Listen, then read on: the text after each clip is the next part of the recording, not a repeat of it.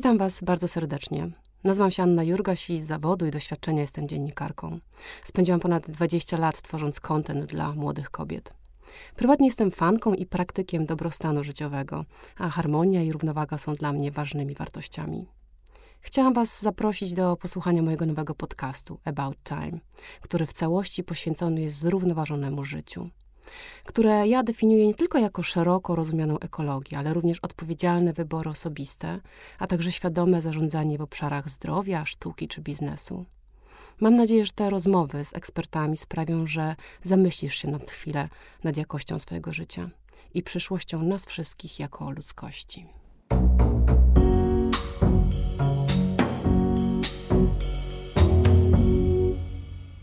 Witam wszystkich bardzo serdecznie w About Time.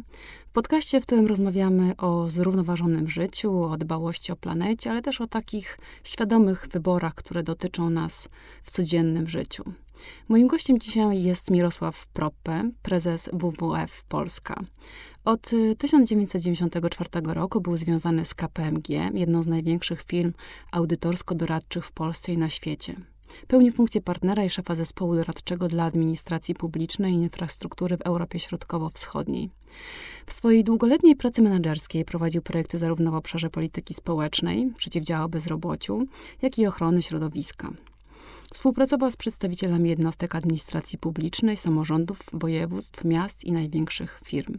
Jako menadżer odpowiadał za realizację złożonych projektów i kierował licznymi zespołami ekspertów. Dzień dobry, panie Mirosławie. Dzień dobry pani, dzień dobry państwu. Szalenie miło mi pana gościć, ponieważ jest pan y, niezwykle doświadczonym y, gościem i człowiekiem z zakresu, który, o którym będziemy dzisiaj rozmawiać i które bardzo mnie interesuje. I moje pierwsze pytanie, jakie są pana takie osobiste y, motywacje? No bo w zasadzie całe swoje mm, życie zawodowe w jakiś sposób jednak był pan zaangażowany społecznie i jakieś większe dobro przyświecało temu, co pan robi. Dziękuję bardzo za ten wstęp. E, to większe dobro, tak, chyba tak, aczkolwiek e, też na przestrzeni tych lat zupełnie, albo może nie zupełnie, ale zmieniło się też moje rozumienie, czym jest to większe dobro. Na początku lat 90., będąc dzieckiem lat 80., wychowanym na e, jakichś tam filmach amerykańskich, które od czasu do czasu były w polskiej telewizji, no to było to ta chęć wyrwania się z tej szarzyzny i, e, i, i, i mm, budowania, rozwijania się tak jak, e, tak jak to było widać w tych e, filmach. Oczywiście mm, potem, kiedy sam już parokrotnie byłem w Stanach i widziałem życie w Stanach, poziom życia w Stanach, to te imaginacje z czasów młodzieńczych uległy dużej przemianie, no ale to było to było, to była ta, to dążenie do lepszego, żeby po prostu wszystkim e, żyło się lepiej, żebyśmy wszyscy żyli jak w Ameryce. To myślę, że masa osób w latach 80. podobne miała e, odczucia, chociaż pewnie nikt z nas do końca nie wiedział, co to, co to tak naprawdę znaczy. I potem w trakcie pracy, a w szczególności już w tych projektach doradczych, kiedy miałem okazję pracować i właśnie poprawiać czy infrastrukturę, czy, czy usługi społeczne, które są e, realizowane. Dochodziłem do wniosku i zadawałem sam sobie i często też moim kolegom, koleżankom w zespole e, e, dwa pytania. Po pierwsze, że to wszystko, co budujemy, ten poziom życia, jaki mamy w Europie, on jest cały czas na wyrost. On jest na wyrost, bo gdzieś bierzemy taniej kupujemy, ta, gdzieś taniej produkujemy, gdzieś pożyczamy e, coś, e, czy zabieramy e, coś, wszystko jedno, czy to jest to praca, czy zasoby materialne, po to, żebyśmy tutaj mieli lepiej i do końca za to wszystko nie płacimy. I drugie takie pytanie, które mi przyświecało, to, że gdybyśmy byli taką wyspą, na której mieszka 100 osób i miałbym fabrykę telewizorów i pierwszego roku wyprodukowałbym 50 telewizorów, czyli połowa mieszkańców by miała te telewizory. No i w drugiego roku już powinienem wyprodukować 52, żeby był jakiś wzrost. Czyli nie dość, że musiałbym przekonać drugą część y, ludzi na wyspie, żeby kupili sobie po telewizorze, to jeszcze dwie osoby do tego, żeby miały dwa telewizory, że dwa telewizory są niezbędnie potrzebne do życia. No ale w trzecim roku to już się zaczyna większy problem, bo wszystkim, którzy już mają po jednym, muszę wmówić, że muszą mieć dwa, a może nawet niektórzy muszą mieć trzeci telewizor. No i że to jest bez sensu. I, i, i tak się po prostu e, tego nie da w, jeszcze w skończonym świecie, to znaczy na planecie, która ma tyle zasobów, ile, ile ma. I oczywiście można robić dywagacje na temat pozyskiwania minerałów z komet przelatujących e, koło Ziemi, e, ale to jest naprawdę bardzo daleka przyszłość, jeśli w ogóle technicznie da się to wykonać bez jakiejś tragedii dla Ziemi, bo przecież rozłupując taką kometę, no, zaburza się jakąś równowagę, w której ona lata po swojej orbicie. W związku z tym e, to też może mieć jakieś tam w przyszłości skutki, których na początku nie przewidzimy. Ale wracając, czyli były te dwa takie pytania. Czy to naprawdę wszystko jest e, fair pozyskiwane, to co mamy tutaj i budujemy sobie w Europie, czy nawet w Polsce? I po drugie, że, e, że taki rozwój rozumiany jako ciągły wzrost, no to, no to właśnie jest jakaś pętla, e, zapętlenie, które musi doprowadzić do, do jakiegoś końca. Bardzo ładnie ujął to e, Marcin Popkiewicz w swojej książce Świat na krawędzi, kiedy pokazuje takie proste doświadczenie o namnażaniu bakterii. I kiedy te bakterie namnażają się na płytce, na której się namnażają, one się dzielą każda z nich dzieli się w tym samym czasie na dwie komórki, prawda? I tak cały czas to się namnażają, no to któregoś dnia dochodzą do zupełnego końca i wtedy giną wszystkie. I to jest też taka wizja oparta na prawach fizyki, które są jedynymi prawami, których nie możemy zmienić, która mówi, że no musimy zupełnie inaczej podejść do, do tego świata. I ta świadomość narastała e, w czasie projektów, które, które robiłem, właśnie na chociażby takie projekty dotyczące infrastruktury, gdzie budujemy wielką infrastrukturę, czasami za pożyczone pieniądze, czasami za granty, ale potem nie mamy pieniędzy na utrzymanie tej infrastruktury i ona niszczeje. A przy okazji zniszczyliśmy ileś tam e, dzikiej przyrody, kiedy, kiedy ją, e, tę infrastrukturę budowaliśmy. E, pamiętam moje takie zdanie, które napisałem w wywiadzie do Rzeczpospolitej i też powiedziałem w, mm, w programie. E, pan redaktor Młotkowski prowadził takie programy gospodarcze. To był 2004 rok, tuż przed wejściem do Unii Europejskiej. Wtedy mieliśmy pierwszy taki króciutki program e, uczestniczenia w funduszach unijnych, dwuletni, bo wchodziliśmy w trakcie już okresu programowania. Więc na te dwa pierwsze lata, 2004-2006, były te środki, no i między innymi one były tam zaprogramowane na, na mm, poprawę infrastruktury wodociągowej e, na terenach wiejskich. I oczywiście, że to jest potrzebne działanie, tylko wtedy mówiłem o tym, żebyśmy sensownie wydawali e, tam, gdzie rzeczywiście jest to potrzebne, gdzie te miejscowości będą dalej istniały i się rozwijały. No i dzisiaj mamy przykłady przewymiarowanych wodociągów e, w miejscowościach, które się wyludniły, czyli były to bez sensu wydane pieniądze, można było je wydać gdzieś indziej w lepszy sposób. E, I to jest to. Druga rzecz to jest taka filozoficzna, może bardziej, że w momencie, kiedy mamy zaspokojone podstawowe potrzeby, te z piramidy Maslowa, no to zastanawiamy się tak naprawdę, co mi daje satysfakcję i czy posiadanie więcej rzeczywiście daje satysfakcję. I to się może wydawać, że rzeczywiście tak jest, że jak będę miał czegokolwiek więcej, no to wszystko jedno, czy pieniędzy, czy garniturów, samochodów, cokolwiek by to miało być, to więcej, to że będę bardziej szczęśliwy. No i masa jest przykładów e, i traktatów filozoficznych, i opowieści, i filmów i opowieści różnych prywatnych osób o tym, że no jednak to nie o to chodzi i to nie daje e, wcale takiego szczęścia, tylko bardziej e, to jest kwestia odczuwania tego, czy odczuwania tego, że mam więcej możliwości odczuwania, że jestem potrzebny, że coś znaczę, że mam przyjaciół, że istnieję. No i to jest coś, czego, czego pewnie nam cały czas brakuje, również w takiej edukacji podstawowej, która, która powinna uczyć właśnie tego typu postaw. Bardzo dziękuję. To rzeczywiście y, taka bardzo spójna droga, bo też chciałam zapytać o to, y, jak bardzo takie indywidualne potrzeby y, jesteśmy w stanie realizować w takim większym, właśnie zawodowym wymiarze. Jak rozumiem, tutaj to jest mocno u Pana zintegrowane. Tak, to jest mocno zintegrowane i to jest też rzecz, którą ja pamiętam, e, powtarzała mi zawsze moja mama, że to nieważne, co będziesz robił, tylko ważne jest to, żebyś robił to, co tobie sprawia przyjemność, frajdę.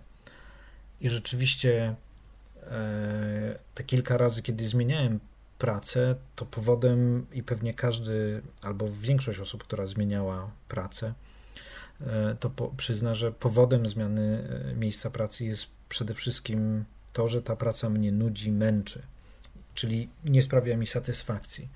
Więc znalezienie pracy, która jest rozwojowa w rozumieniu właśnie, że rozwija moją satysfakcję, że ja czuję, że robię coś pożytecznego, coś dobrego, jest, e, jest tym, e, jest tym e, najważniejszym, najważniejszą kwestią, jaka, jaka powinna przyświecać przy wyborze czy poszukiwaniu pracy.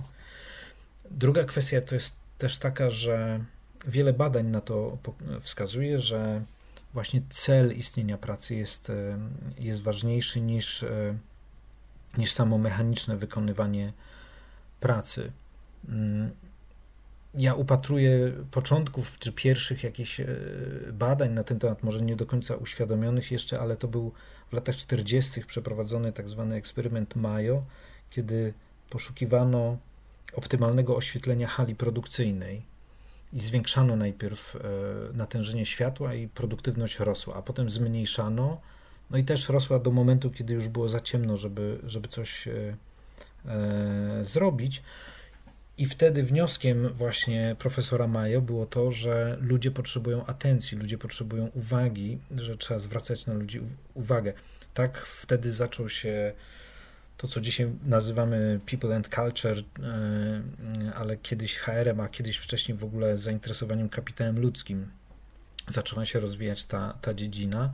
E, I, I wtedy dzięki tej dziedzinie właśnie się dowiedzieliśmy, że ten cel pracy jest, jest naprawdę taki ważny. Oczywiście w organizacjach pozarządowych on jest prostszy do uchwycenia, łatwiejszy, bo, bo ten cel jest wpisany w misję organizacji i pracownicy, którzy są, e, którzy pracują w danym NGO-sie, no po prostu identyfikują się z tą misją i, i dlatego do tej pracy przychodzą.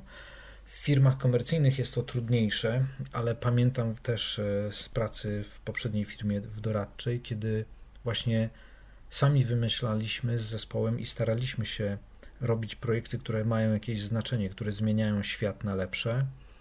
I potem, kiedy organizowaliśmy takie spotkania wewnętrzne i koleżanki i koledzy opowiadali innym z całego działu doradztwa, jakie projekty robimy, no to widziałem po prostu yy, i uśmiechy na twarzach, ale potem też yy, wiele osób przychodziło i mówiło, chciałbym popracować u Ciebie na projekcie, bo widzę, że ten raport nie będzie tylko raportem, który idzie na półkę, tylko on rzeczywiście coś zmienia, on coś znaczy i to jest ogromna motywacja dla, dla ludzi. Oczywiście, tak jak powiedziałem, gdzieś tam na początku są te potrzeby podstawowe, które trzeba zaspokoić, trzeba mieć możliwość mieszkania, jedzenia i tak dalej. I nie w każdej sytuacji jest łatwo znaleźć taką organizację czy firmę, w której będzie poczucie takiej misji i będzie można się włączyć w realizację tej e, misji. No ale mam nadzieję i wierzę w to mocno, że, że również świat się zmienia w, ten, w tę stronę i że wiele firm e, i korporacji, tych, które przodują chociażby w e, wdrażaniu zrównoważonego rozwoju i e, rzeczywiście realnie wpisują w swoją strategię ten zrównoważony rozwój, rzeczywiście zaczyna być coraz bardziej też atrakcyjnym pracodawcą. To prawda, ten zrównoważony rozwój e, pojawia się mm, na rynku pracy i biznesie w coraz większym e, rozmiarze. A mnie ciekawi, dlaczego tak jest? Dlaczego, co sprawia, że ludzie i jako organizacje, jako jednostki mają potrzebę e, zmiany tego świata? Czy to jest lęk przed przyszłością, czy, czy może jednak nadzieja na to, że może być lepiej? No, to mogą być e, różne motywacje. Myślę, że e, lęk przed e, mm, przyszłością pewnie jest dla jakiejś części motywacją, aczkolwiek te zmiany jednak, przynajmniej w naszej części świata, w północnej części świata, one zachodzą stosunkowo wolno, więc, więc ten lęk nie jest tak bardzo odczuwalny. On może być bardziej odczuwalny w tych krajach, gdzie rzeczywiście te kataklizmy i zmiany, skutki zmiany klimatu powodują to, że nie można pracować albo nie można już wręcz żyć, bo jest zbyt sucho albo zbyt gorąco. Ale myślę też, że hmm, chęć zbudowania czegoś lepszego zaczyna się, zaczyna się, najpierw jest oczywiście strach, jeżeli coś tracimy albo e, musimy się zmieniać, ale zaczyna część osób widzieć, że to jest nowa definicja, że można coś zbudować już nie są tylko utopiści, ale, ale również osoby, które e, twardo stąpają po ziemi i przedsiębiorstwa, które prowadzą, odnoszą sukcesy również e, ekonomiczne, tak, liczone w takich wskaźnikach tradycyjnych, ekonomicznych. Ale myślę, że jest duża grupa też osób, która boi się, czy zaczyna odczuwać, że może, może oni albo zaraz ich następne pokolenie, ich dzieci utracą to, co jest, czyli utracą chociażby mm, możliwość e, właśnie wyjścia do lasu w momencie, kiedy jest pandemia, odetchnięcia świeżym powietrzem, bo tych lasów, e, bo tych lasów nie będzie po prostu. Że to, że ze swoimi dziećmi jeździli nad morze i mają wspomnienia z tego nadmorza, to dzisiaj to nadmorze wygląda już zupełnie inaczej. Często nie możemy wejść do Bałtyku, ze względu na e, to, że, że zakwitają sinice, e, czego chociażby za mojego dzieciństwa, te 40 lat temu, kiedy świadomie już jeździłem z rodzicami nad, nad morze, praktycznie to zjawisko nie występowało. E, gdzieś może czasami tylko w Zatoce Gdańskiej słyszałem o, o, o czymś takim, ale generalnie nie występowało i że te ryby, które, które tam jemy ze smażalni, to nie są te ryby od tego rybaka lokalnego, który złowił je dzisiaj rano czy w nocy, tylko to są importowane ryby przywożone, mrożone, rozmrażane, e, rozmrażane i, i, i w ten sposób podawane. Więc myślę, że taka nostalgiczna może trochę, może nie, nie bojaźń, ale taka nostalgia za tym, że coś odchodzi, że coś, co znamy,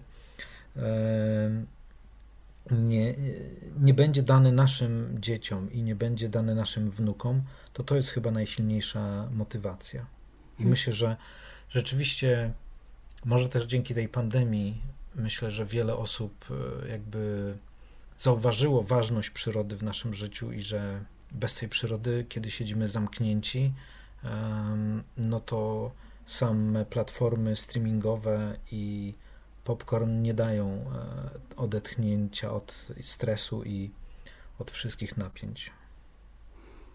To prawda, ta tęsknota rzeczywiście za tym światem, który się zmienia i mija, na pewno jest niezwykłym e, motywatorem. E, a ciekawi mnie, co motywuje w takim razie według Pana tych młodych ludzi, którzy mm, żyją już w tym świecie technologii kompletnie innym i przyroda jest dla nich pewnie jakimś stałym elementem, ale może nie jest aż tak organiczne, jak to było, tak jak pan mówi, te 40 lat temu. A oni de facto są bardzo zaangażowani, jeżeli chodzi o ratowanie planety. Yy, są zaangażowani, jakaś część młodego społeczeństwa jest zaangażowana. Yy, bo jak popatrzymy na badania, to świadomość ekologiczna czy środowiskowa, szerzej mówiąc, no, większa jest w grupie 30-40-latków niż w grupie tych młodych ludzi będących powiedzmy przy końcówce liceum na początku studiów.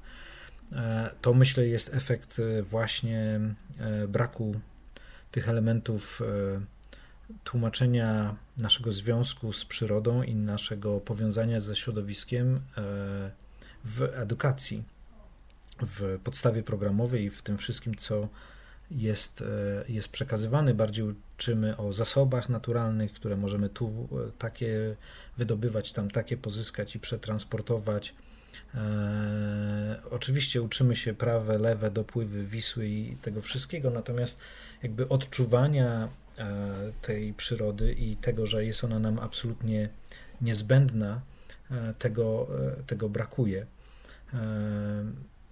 Więc ci młodzi ludzie, jakaś część ich jest zaangażowana, czy czują, czy nie czują, myślę, że to jest bardzo indywidualne. Z racji chociażby tego, że coraz bardziej, chociaż w Polsce ten proces jest e, powolniejszy niż w większości krajów na świecie, ale coraz więcej ludzi mieszka w mieście, no to w sposób naturalny mamy mniej kontaktu z dziką przyrodą. Mamy, jeżeli już, to kontakt z parkami, ale to oczywiście już nie jest taka dzika, dzika przyroda. I tak jak mówię, moim zdaniem właśnie to, że, że E, nawet e, ruch e, w trakcie pierwszego lockdownu, czy zaraz po pierwszym lockdownie, gdzie wiele osób szukało jakiejś działki, żeby kupić działkę mm, poza miastem, żeby w razie kolejnego lockdownu właśnie móc tam uciec, tam przebywać i, i być na świeżym powietrzu, chociaż móc wyjść wtedy do swojego ogródka czy do pobliskiego lasu. W jaki sposób ludzie to przekładają. Myślę, że no, część osób jest oczywiście zainteresowana zgłębieniem e, samej przyrody i poznaniem pewnych zależności.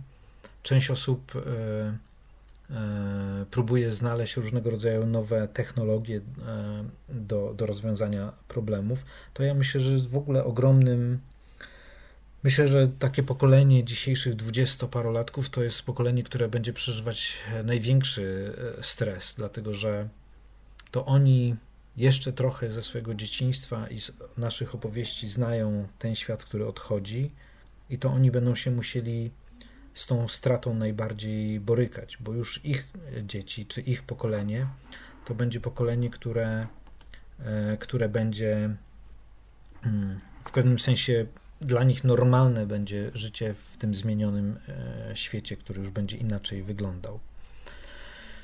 E, to będzie trudne, dlatego że dostosowanie, jakby ten ogrom rzeczy, które musimy zmienić, dostosować, e, sposoby działania firm, ale również jakieś przeogromne ilości terenów, które zdegradowaliśmy i nasi nasi poprzednicy, którzy zdegradowali. Oczywiście wszyscy działali, prawie że wszyscy działali w dobrej wierze i myśleli, że, że będzie dobrze. E, no, to, są, to są ogromne jakieś e, wyzwania. E, więc to jest, myślę, że dla młodych ludzi największy, największy stres, że teraz na przykład oni będą musieli się zastanowić, w jaki sposób zrekultywować wyrobisko po Bełchatowie, to Bełchatów, oczywiście elektrownia Bełchatów i kopalnia Bełchatów mają ogromny wpływ i znaczenie dla ostatnich 30-40 e, lat rozwoju w Polsce, bo jako największe miejsce wytwarzania energii były, no bez tej energii byśmy nie byli w tym miejscu, gdzie jesteśmy jako, jako społeczeństwo i jako gospodarka ale z drugiej strony właśnie nikt y, nie pamiętał o tych ogromnych kosztach rekultywacji, które, które przed nami i teraz zostawiamy to de facto, nawet jeżeli coś zaplanujemy od strony technicznej, jak to zrobić, to wykonanie i sfinansowanie tego przedsięwzięcia zostawiamy kolejnym pokoleniom i myślę, że to będzie dla nich największy stres. Brzmi to jak e, niechciany spadek trochę. Mm. No tak, tak to, tak to wygląda. E, no niestety może też e, nie chcę, ja nie chcę brzmieć pesymistycznie, bo ja cały czas mówię o tym, że to jednak jest e, jakaś szansa i tak samo mój początek pracy zawodowej przypadający na 91 rok, kiedy wszystko się w tym kraju rozpadło, przemysł się rozpadł, wszystko się rozpadło, zawody pracy, o których moi rodzice myśleli i mi podpowiadali, wszystko to się rozpadło. E, a jednak e, udało nam się przejść e, przez tę transformację, oczywiście z kosztami, ale, ale przejść przez tę transformację. Dzisiaj pewnie powinniśmy wyciągnąć wnioski z tamtej transformacji i lepiej zaplanować obecną, ale znowu to jest o, o, o rozwoju i o nowych szansach. To, to na pewno. Natomiast no, ogrom tej, tej pracy jest czasami może być nawet przytłaczający. Każda zmiana wydaje mi się trudna i zawsze mamy pewne lęki przed przejściem jakiejś metamorfozy. Dlatego warto się do tego dobrze przygotować. Mówił Pan o edukacji, to e, zapytam, jak według Pana wyglądałaby taki, taka idealna, e, idealny sposób e, czy narzędzia, które edukowałyby tą młodzież i uczyły ją tak naprawdę szacunku i też wydaje mi się kontaktu albo takiej osobistej relacji z przyrodą? Tak. No, ja myślę o dwóch e, rzeczach. Jedna rzecz to jest mm, to, żeby uwzględnić kwestie po pierwsze antropologi antropologicznych przyczyn zmiany klimatu, czyli tego historycznego dziedzictwa właśnie, które, które czy niechcianego spadku, no chciany, niechciany, on jest po prostu, to dziedzictwo jest, ale żeby rozumieć przyczyny i w związku z tym pokazywać, w jaki sposób możemy e, zmienić albo odbudować to, to środowisko naturalne, zmienić w sensie zatrzymać tą negatywną zmianę. I żeby tego typu tematy były we wszystkich wątkach, we wszystkich przedmiotach, które są nauczane w czasie, w czasie edukacji, od początku szkoły podstawowej po, po wszystkie kierunki E, studiów i szkół e, ponadpodstawowych, e, tych zawodowych czy techników. Dlaczego? Dlatego, że no tak naprawdę, jeśli zaczniemy pracować w tej nauce wczesnoszkolnej, pokazując pewnego rodzaju wartości zachowania, traktowania tej przyrody nie jako czegoś, że do rzeki możemy wszystko wylać, do lasu możemy wyrzucić śmieci, E, i od czasu do czasu chodzi tam e, jakiś e, miś, tylko że jesteśmy elementem połączonym de facto z tą przyrodą dziką i zależnym od tej przyrody, no to po pierwsze wykształcimy takie postawy i to staramy się robić zarówno my w naszym programie edukacji z pandą, właśnie dla klas 1-3 szkół podstawowych, ale również współpracując z inną, innymi organizacjami. Ze Związkiem Harcerstwa Polskiego e, mamy program Ekodrużyna, e, czy teraz współpracując też z Fundacją Cała Polska Czyta Dzieciom i partnerami e, biznesowymi przygotowywane są powieści dla, dla nastolatków, które tego typu wartości będą pokazywać. Program nazywa się Ocalimy Świat E, i, i właśnie pokazuje młodych bohaterów e, dla nastolatków, młodych bohaterów, którzy poprzez swoją postawę i działania ten świat e, ratują. Więc to jest jeden wątek, a drugi wątek to jest już bardziej merytoryczny i pewnie może bardziej też w klasach wyższych i na, na studiach czy na, mm, przy nauczaniu zawodu. To jest rewizja, co częściowo już się dzieje i część uczelni wyższych chociażby E, już na ten temat współpracuje e, z koalicją klimatyczną, z innymi organizacjami, gdzie zastanawiają się wykładowcy, co na, tak naprawdę powinni zmienić w programach nauczania, co powinno być zmienione w programach nauczania na temat e, chociażby kwestii związanych z e, regulacją rzek, że tak naprawdę nie należy rzek regulować, tylko lepiej zarządzać E, zagospodarowaniem przestrzennym, budować tam, gdzie jest bezpiecznie, nie budować tam, gdzie są tereny zalewowe, bo nigdy nie zbudujemy takich murów i takiej infrastruktury, która powstrzyma wielką, wielką powódź, więc po co budować na tych terenach, które są naturalnie terenami zalewowymi. Je można wykorzystywać do, teren, do procesów, do, do celów rekreacyjnych chociażby, ale nie do tego, żeby tam e, stawiać e, budynki mieszkalne czy budynki użyteczności publicznej i de facto sprowadzać zagrożenie. To jest również o tym, żeby chociażby na lekcjach fizyki i matematyki w szkole.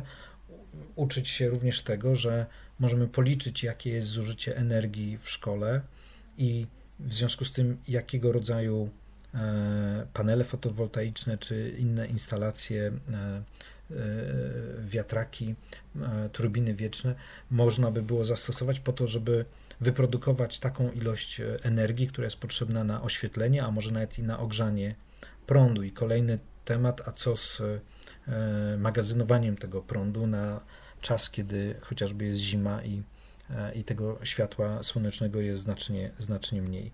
Więc to jest takie praktyczne przeniesienie również tej nowej wiedzy i pokazywanie tej nowej wiedzy e, i nowych, może nawet i pobudzanie inspiracji do, do różnego rodzaju nowych rozwiązań. Te wszystkie rzeczy tak naprawdę i tak i tak istnieją już e, w programie nauczania, tylko trzeba je poprawić, trzeba je zwrócić ich e, wektor z tego, żeby wykorzystywać środowisko maksymalnie do zaspokajania naszych potrzeb, na właśnie współżycie ze, ze środowiskiem e, i używanie go w taki sposób, aby ono mogło się rozwijać i mogło być dla nas de facto ostoją bezpieczeństwa. A co z takim praktycznym doświadczeniem natury? Czy to w ogóle ma znaczenie dla człowieka i właśnie buduje tą głębszą więź? Absolutnie tak. Absolutnie tak. Ja, jako chłopak z miasta, y, też y, nie miałem zbyt wielu okazji y, obcowania z dziką, z dziką przyrodą. Natomiast no to jest już odpowiedzialność też rodziców o tym, żeby, żeby nauczyć szanowania tej przyrody i zrozumienia, jak ona jest powiązana, jak jest, jak jest potrzebna. E, z dzieciństwa jeszcze przedszkolnego pamiętam, kiedy mama mi mówiła, żeby nie deptać mrówek, że one mają swoją e, funkcję do wykonania, że zajmują się, zbierają różne rzeczy, e, przenoszą i tak dalej, że to wszystko jest potrzebne w środowisku. E, że muchę można wygonić e, z domu, bo jakiś ptaszek wtedy będzie miał jedzenie. Oczywiście było to tłumaczone na, na poziomie takim, żeby docierało do dziecka z przedszkola, ale to wtedy się właśnie zaczyna. No i potem obcowanie z tą, z tą przyrodą. Ja pamiętam, myśmy właśnie bardzo długo, chyba całą moją podstawówkę jeździli na Półwysep Helski na wakacje. E, i to był czas obcowania z dziką przyrodą.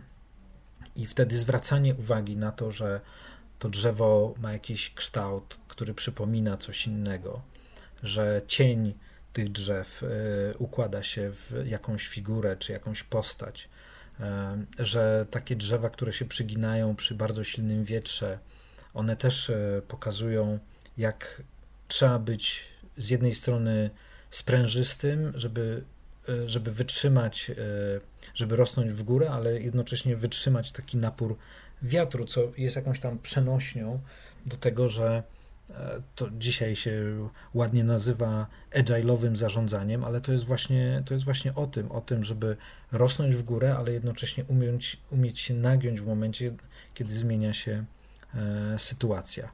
No a dla osób, które jakoś w ogóle bardziej odczuwają mm, E, świat, które są bardziej e, czułe, no ta przyroda jest absolutnie koniecznym elementem inspiracji. Chopin e, zachwycał się, kiedy pisał swoje polonezy, tak naprawdę zachwycał się wierzbami płaczącymi na Mazowszu, czyli właśnie taką nostalgiczną, trochę krajobrazem nostalgicznym, stąd czerpał natchnienie. Nie wiadomo, czy, czy gdyby dzisiaj e, mieszkał na Mazowszu i widział puste pola bez miec, na których e, stały te wieżby. E, pola de facto wysuszone poprzez irygację, poprzez wody, rowy melioracyjne mm, i prawie że niemalże monokulturę kukurydzy, czy jego utwory byłyby aż tak inspirujące i łapiące za serce, jak te, które napisał. Myślę, że mogą być zupełnie inne. Jakoś mam taką wizję, że byłyby bardziej, nie wiem, technologiczne i wyzbyte może właśnie tej nostalgii i uczuć, o których e, tutaj rozmawiamy, które rzeczywiście ta doskonałość natury, mm, która się przejawia we wszystkim w zasadzie dookoła, e, jest taka ważna. Chciałam zapytać jeszcze o to, bo jest e, pan prezesem WWF-u i ma tak naprawdę ogromną wiedzę na temat e, takiego całokształtu zniszczenia e, środowiska i różnych zagrożeń. I czy jest jakiś obszar, który tak pana najbardziej osobiście dotyka wśród tych wszystkich tematów? Jest taki. Tak, jest taka, jest taka jedna rzecz od, e, od 70. lat, e, praktycznie od de facto 1970 roku, WWF globalnie przygotowuje taką publikację co dwa lata, która nazywa się Raport Żyjącej Planety, Living Planet Report. On jest dostępny na naszych stronach co dwa lata, dlatego że on pokazuje liczebność e, kilku tysięcy, około 6 tysięcy różnych populacji na świecie, różnych gatunków, e, ssaków, płazów, ryb, ptaków, gadów, e, po prostu kręgowych, kręgowców różnych, e, różnych gatunków. I naukowcy nasi, ale i inni współpracujący, po prostu, którzy obserwują te, te populacje, my zbieramy te wszystkie dane w jeden raport i pokazujemy, jak od 1970 roku ta populacja się, liczebność tej populacji się zmienia. I to, kiedy czytałem e, raport za zeszły rok, naprawdę mną wstrząsnęło, bo przez 50 lat, e, no bo w 2001 roku to są dane za rok 2020, czyli przez 50 lat, czyli de facto przez moje życie, z każdych 10 stworzeń każdego gatunku do dzisiaj zostały trzy. 68% liczebności wszystkich tych populacji średnio na świecie już nie ma. Oczywiście to, to jest średnia, więc są te, które mają się trochę lepiej, ale są te, które mają się znacznie gorzej. Organizmy słodkowodne to jest e, utrata rzędu 84% liczebności. To oznacza, że jakbyśmy sobie wyobrazili wszystkie gatunki kręgowców, w tym nas, jako taką wielką jęgę, taką wieżę ułożoną z tych klocków, gdzie każdy klocek reprezentuje jakąś liczebność e, danego gatunku. I potem przez te 50 lat wyjmowali poszczególne klocki, tak jak to jest w jędze. No i dzisiaj nam zostało z tej konstrukcji tylko, e, tylko 32 E, klocuszki ze 100, które mieliśmy w 70 roku, no to możemy sobie łatwo wyobrazić, że to jest bardzo chwiejna wieża i ona w którymś momencie się przewróci razem z nami.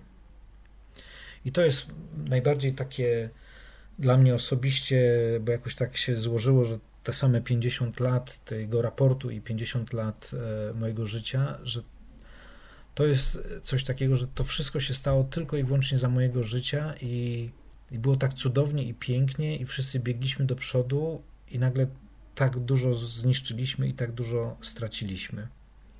Dzisiaj dzikie zwierzęta, gdyby je wszystkie zważyć, plus do tego zważyć zwierzęta hodowlane i wszystkich ludzi, to te dzikie zwierzęta stanowiłyby około 4-5% tej wagi. Pozostałe to przede wszystkim są właśnie zwierzęta hodowlane, no i my, my stanowimy 35% mniej więcej i cała reszta to, to już zwierzęta hodowlane.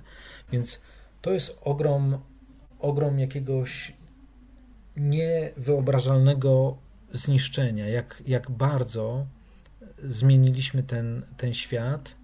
I to nie jest już ewolucja, dlatego że ewolucja zachodzi w swoim tempie i osobniki mają czas na to, żeby się dostosować. To jest, to jest właśnie. E, szóste e, globalne wymieranie, które, które myśmy spowodowali. A spowodowaliśmy to głównie przez zmianę siedlisk, czyli właśnie regulację rzek, czyli właśnie zabieranie terenów leśnych pod uprawę, czyli, za, e, czyli e, pozyskiwanie również kopalin, które potem zmieniają temperaturę globu. Te wszystkie czynniki powodują to, że tej dzikiej przyrody jest coraz e, mniej. I co ciekawe, wszystkie analizy takie twarde, fizyczno-geologiczno-ekonomiczne pokazują, że spokojnie damy radę i w przewidywanej na przyszłość globalnej liczbie ludności sięgającej 10 miliardów będziemy w stanie się wyżywić, wcale nie rujnując tego świata. Będziemy w stanie mieszkać i będziemy w stanie się wyżywić, nie rujnując tego świata. A mimo to cały czas ta ruinacja idzie do przodu. To jaki jest obraz tej przyszłości? No bo rozumiem, że trochę nie ma powrotu do tego, co było. Więc y, co będzie? Trochę nie ma powrotu, bo oczywiście utraconych gatunków e, nie ma i niektóre zmiany, które zachodzą i których skutki już będziemy częściowo odczuwamy i będziemy odczuwać, e, te się staną.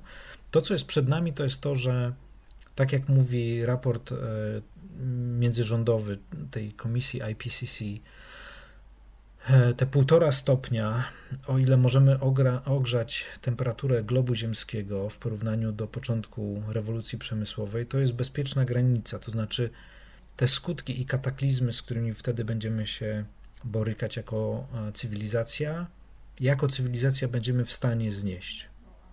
Więcej nie będziemy w stanie znieść. Więcej będą to straty, które będą powodowały to, że nasza cywilizacja będzie się, zatrzyma się.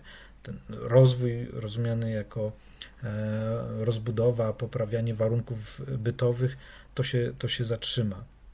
Dlaczego? Dlatego, że jeśli to będzie postępować więcej e, dalej, to po prostu będą ogromne tereny nie nadające się do życia, zabraknie wody, zabraknie w związku z tym wyżywienia. Więc to, co jest przed nami, to jest to, co się częściowo stało w czasie porozumienia paryskiego, może w jakiejś części w czasie ostatniego, ostatniej konferencji kopowskiej w e, Glasgow, gdzie z jednej strony regulatorzy, z drugiej strony biznes zrozumieli, że już nie ma odwrotu i naprawdę trzeba na nowo poukładać świat.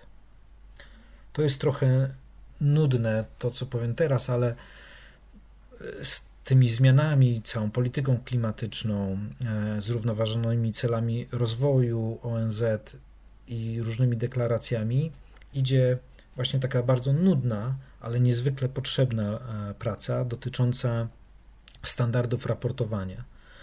Standardy raportowania, gdzie firmy muszą pokazywać, w jaki sposób wpływają nie tylko na E, emitują gazy cieplarniane, ale również wpływają na zużycie wody i utratę różnorodności biologicznej, jeśli chodzi o środowiskowe kwestie, ale również te społeczne dotyczące warunków zatrudniania, e, warunków płacy e, na poszczególnych szczeblach w swojej organizacji itd. Tak I ponieważ to zostanie upublicznione, od 24 roku e, na razie tak jest uzgodnione, że, że te publikacje tych wszystkich sprawozdań będą, zawie, będą pokazywały to wszystko, no to w ten sposób będziemy mogli jako społeczeństwo również wywierać nacisk na te korporacje, e, e, aby one się, aby one się zmieniały i żeby, żeby, rzeczywiście się zmieniały. A druga strona medalu jest taka, że ci, którzy dzisiaj to rozumieją, że trzeba się zacząć zmieniać, naprawdę się zmieniają i część firm naprawdę już się zmienia i wie, że, że dzięki temu wygra konkurencję. E, dlatego, że ich produkty będą oznaczone, że są fair produktami, że są produktami, które nie niszczą środowiska i że są organizacjami, które prowadzą fair politykę społeczną. Niektóre firmy tego nie zrozumieją, niektóre zrozumieją za późno i znikną e, z rynku, i to są normalne działania rynkowe. Natomiast e, najważniejsze jest to, żebyśmy my w swoich indywidualnych wyborach, kiedy zmieniamy swoje życie i swoje podejście do tego, jak się zachowujemy, przenosili to również do pracy, bo małe i indywidualne wysiłki są absolutnie konieczne i przede wszystkim właśnie do tego, żeby sobie uświadomić, co musimy zrobić ale potem odpowiedzialnością każdego dorosłego człowieka jest to, żeby wziąć e, te wnioski do swojej pracy i niezależnie co robię, czy jestem w agencji reklamowej, to zastanawiam się, czy naprawdę ten produkt jest warty reklamowania. Ja wiem, to jest klient, któremu trzeba odmówić, ale ja w swojej pracy doradczej również pamiętam, jak odmawiałem niektórym klientom niektórych prac, bo wiedziałem, że to są złe rzeczy, e, które doprowadzą do, do czegoś niedobrego.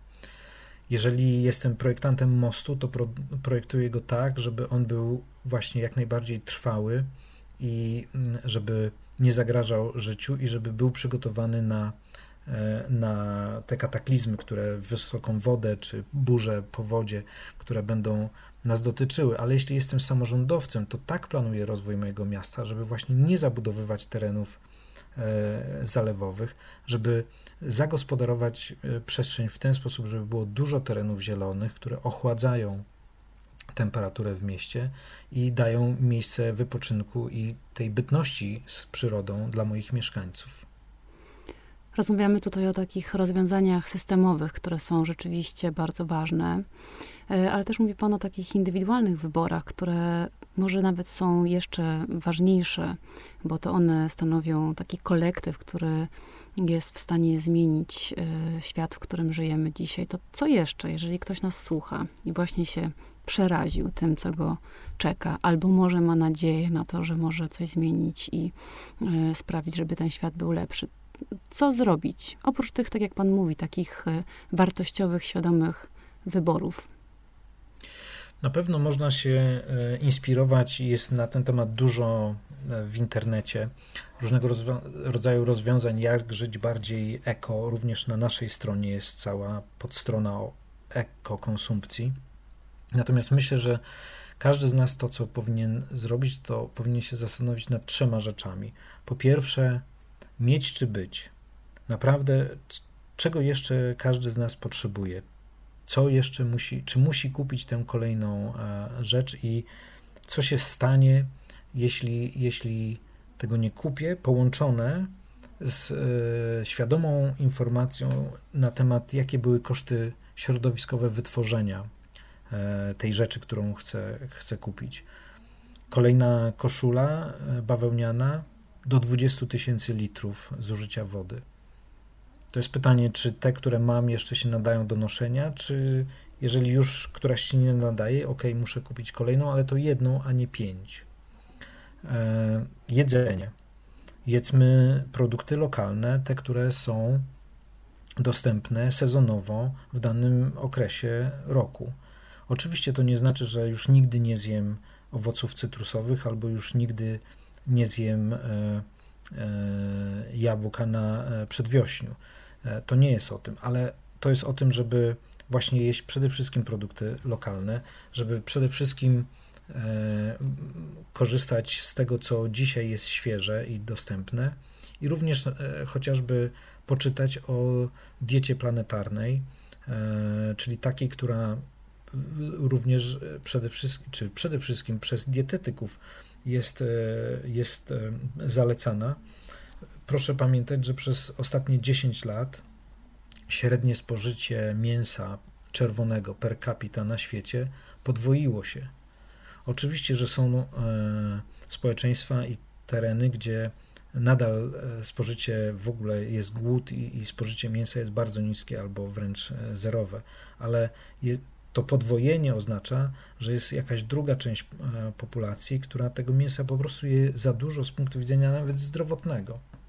Jeśli dietetycy mówią o tym, że dorosły człowiek powinien mieć około 100-150 gram mięsa dziennie, no to policzmy dwie parówki na śniadanie, na lunch też niech będzie carpaccio wołowe, potem jeszcze kolacja e, z jakimś, e, z jakąś pieczenią i e, potem wieczorem wieczorne wiadomości zagryzane kabanosami. To jest na pewno zbyt dużo czerwonego, czerwonego mięsa.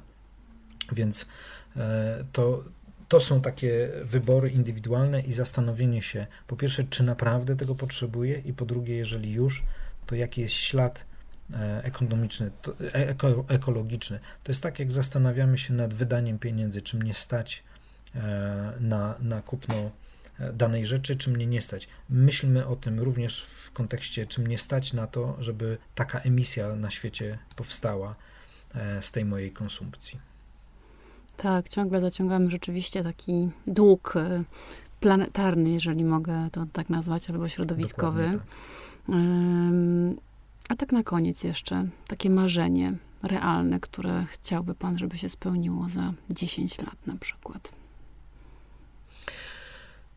E, takie marzenie to z jednej strony bardzo bym chciał, żebyśmy otworzyli e, Wisłę z jej wieloma dopływami jako świetną, żywą i wolno płynącą rzekę, e, która będzie bardzo atrakcyjna turystycznie, dzięki której będzie rozwijała się ta turystyka, a w związku z tym masa różnych lokalnych e, hotelików, barów, restauracyjek e, i tak dalej. I będziemy mogli spędzać w ten sposób wolny czas. Wisła jest jedną z niewielu dzikich rzek w Europie. Uczmy się i patrzmy, co robią inni. E, rząd federalny Niemiec wydaje dzisiaj ogromne pieniądze na renaturalizację Renu, czyli przywrócenie Renu z e, tej wybetonowanej rynny do stanu w miarę naturalnego, więc my nie niszczmy naszej e, Wisły.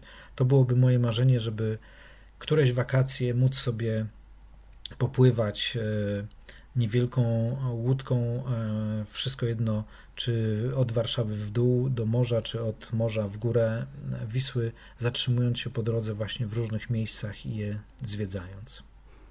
To ja życzę Panu oraz nam wszystkich, żeby to, to marzenie się spełniło.